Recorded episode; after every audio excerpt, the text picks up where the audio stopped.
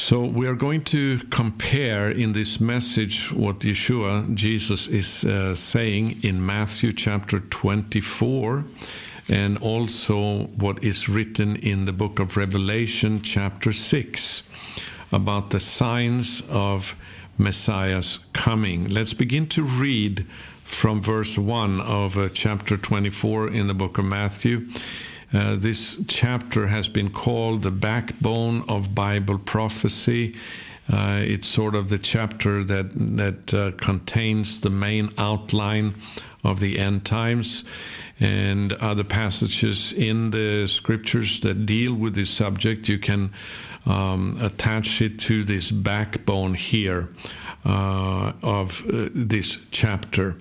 And of course, the content here in this chapter is also found more or less the same in Mark 13 as well as in Luke chapter 21. But Matthew is the most extensive, and it's been called um, the eschatological discourse.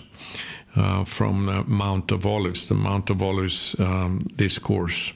Let's begin to read from verse 1. Yeshua left the temple and was going away when his disciples came to point out to him the buildings of the temple. But he answered them, You see all these, do you not? Truly, I say to you, there will not be left here one stone upon another that will not be thrown down. As he sat down on the Mount of Olives, the disciples came to him privately, saying, Tell us, when will these things be, and what will be the sign of your coming and of the end of the age? So here it's talking about one specific sign that they're asking for. However, as we read the chapter, we will see that there are several things that uh, Yeshua mentions here as signs of his coming. And then towards the end, uh, we read in verse 32 From the fig tree, learn its lesson. As soon as its branch becomes tender and puts out its leaves, you know that summer is near. So also, when you see all these things, talking about the signs that he has mentioned before here in his speech, um, you know that he is near at the very gates. So let's look at this and um, see what Yeshua here is saying as the signs of his coming.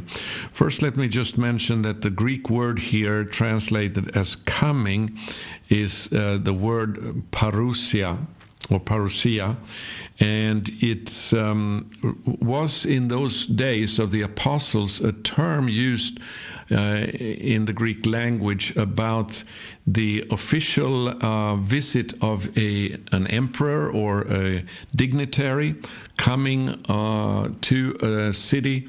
And um, this is the term that is most often used among the apostles to uh, speak about the uh, return of Messiah.